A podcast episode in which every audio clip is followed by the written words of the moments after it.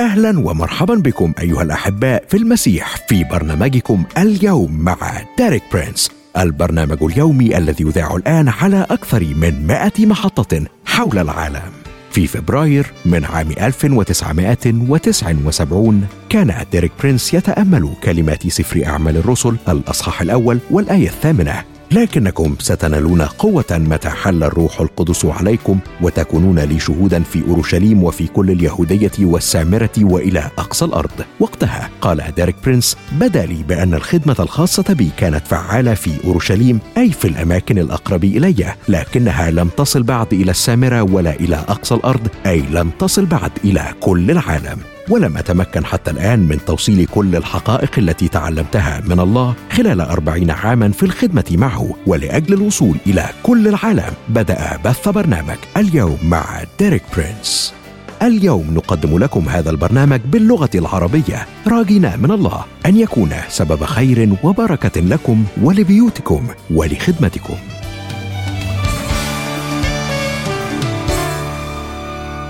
أهلا بيك صديقي المستمع في حلقة جديدة من برنامجنا اليوم مع ديريك برينس معك أشرف ومريم. أهلا بيك يا مريم.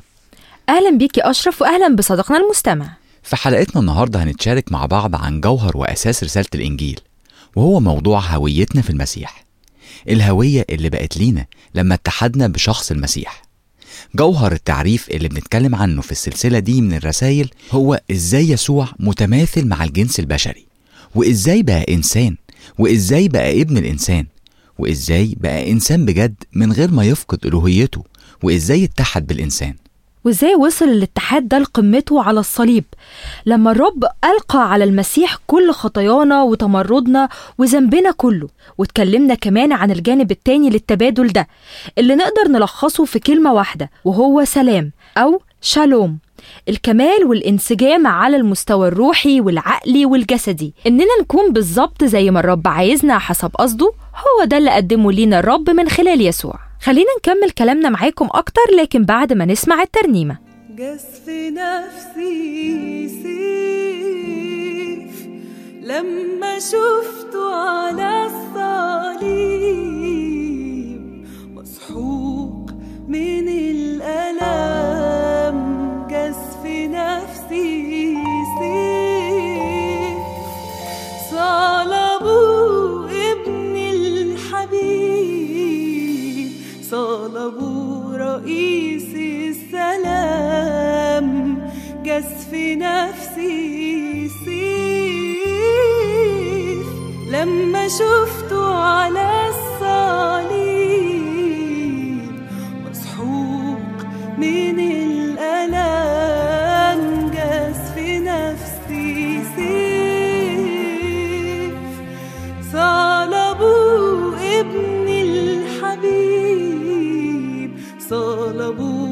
e se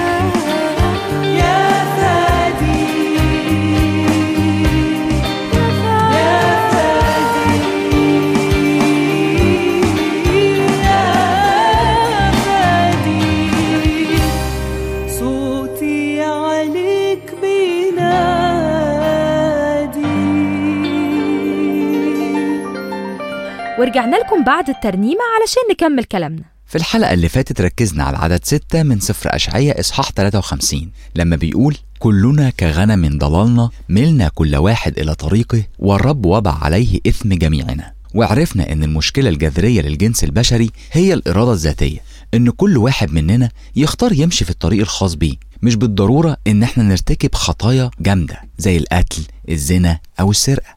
لكن الابتعاد عن طريق الله وإننا نمشي في طريقنا وندي ظهرنا لربنا. وكمان إننا نعيش حسب معاييرنا إحنا وإننا نرضي نفسنا ونكون إحنا مركز الكون. في حلقتنا بقى النهاردة والمرات اللي جاية لحد عيد القيامة هنكون وضحنا عدة جوانب من التبادل الإلهي العظيم ده اللي تم من خلال موت يسوع. وجانب المبادلة اللي هنركز عليه النهاردة موجود في سفر أشعية إصحاح 53 والعدد خمسة. ممكن تقرأ لنا الآية دي يا مريم؟ طبعا يا أشرف الآية دي بتقول وهو مجروح لأجل معاصينا مسحوق لأجل آثامنا تأديب سلامنا عليه وبحبره شفينا. تمام يا مريم. تعالي بينا بقى نروح نسمع ديريك وهو بيبدأ معانا حلقتنا النهاردة وبيتكلم عن الآية دي. يلا بينا. أريد التركيز بشكل خاص على هذا الجزء وبحبره شفينا. عوقب يسوع على خطايانا لأنه أصبح بديلا عنا فكما ترى خطيئة الإنسان ورحمة الله معا خلقا مشكلة لا يستطيع حلها إلا الله نفسه. يشتاق الله أن يكون رحيما يشتاق ليغفر ولكن في الوقت نفسه العدل هو قاعدة وأساس كرسيه. فكرسي الله لا يمكن أن يكون على أي أساس آخر سوى العدل الكامل. لا يمكنه المساومة حول عدله ليغفر. هذا التناقض هذا الصراع جاء في الوحي الذي أعطاه الرب لموسى. في سفر الخروج الأصحاح الرابع والثلاثين بدءا من العدد الخامس وحتى العدد السابع صرخ موسى للرب قائلا أرني مجدك. فنزل الرب وأعطاه إعلانا شخصيا عن نفسه. وهذه هي الكلمات التي نراها هنا في سفر الخروج الأصحاح الرابع والثلاثين. فنزل الرب في السحاب فوقف عنده هناك ونادى باسم الرب أي الرب أعلن عن اسمه هو. فاجتاز الرب قدامه ونادى الرب الرب إله رحيم ورؤوف بطيء الغضب وكثير الإحسان والوفاء. حافظ الإحسان إلى ألوف غافر الإثم والمعصية والخطية ولكنه لن يبرئ ابراء. لاحظ الصراع يغفر الله الشر والعصيان والخطية ولكن بسبب عدله لا يمكنه ترك المذنب بلا عقاب. اذا هناك مشكلة عظيمة إذا جاز لي أن أسميها مشكلة الله الكبرى فهو يريد أن يغفر للخاطئ. ولكنه لا يمكنه أن يتغاضى عن خطيته. عدله يقتضي عقوبة الخطيئة ورحمته تشتاق إلى منح الغفران والعفو للخاطئ. كيف يمكن حل تلك المعضلة؟ هناك شخص واحد فقط يمكنه حل هذه المعضلة الله بذاته. لم يكن هناك سوى طريقة واحدة لحل هذه المشكلة. كان من خلال بديلا عن الخاطئ. من خلال يسوع ابن الإنسان. آدم الأخير الذي صار متمثلا بنا بالكامل بشكل قانوني ومتحدا بالخطية التي ارتكبناها نحن ثم تألم من عقوبتها بالكامل وبذلك تم إرضاء عدل الله فصار حرا ليقدم الغفران بدون المساومة على عدله.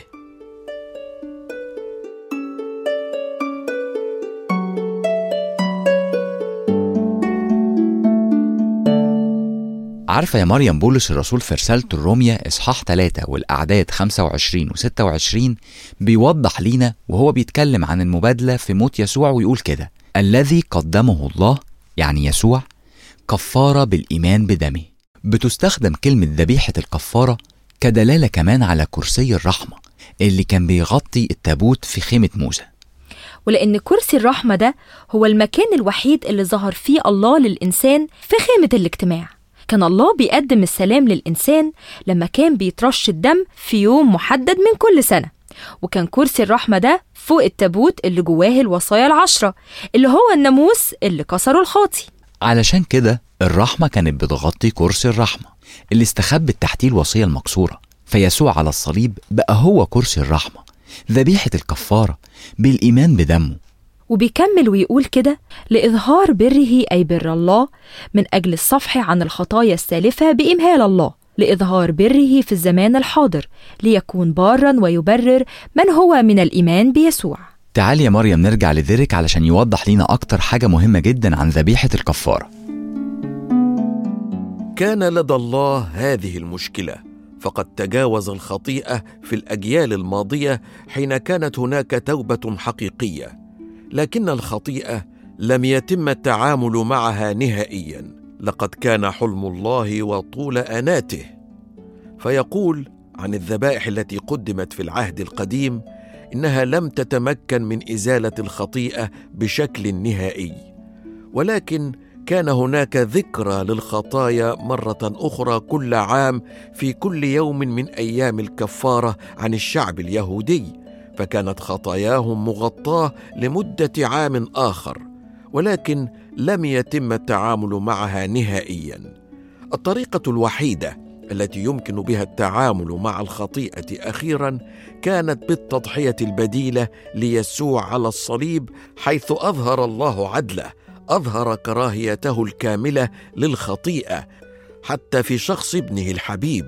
ولكن في نفس الوقت الذي أظهر فيه عدله فتح الطريق أمامه ليقدم عفوه وغفرانه وسلامه.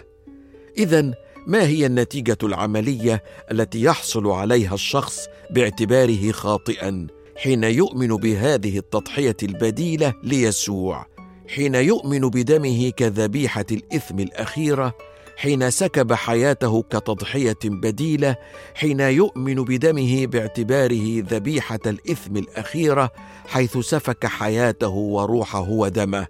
فقد كان ذبيحة إثم. ما الذي يحدث؟ ما هي النتيجة؟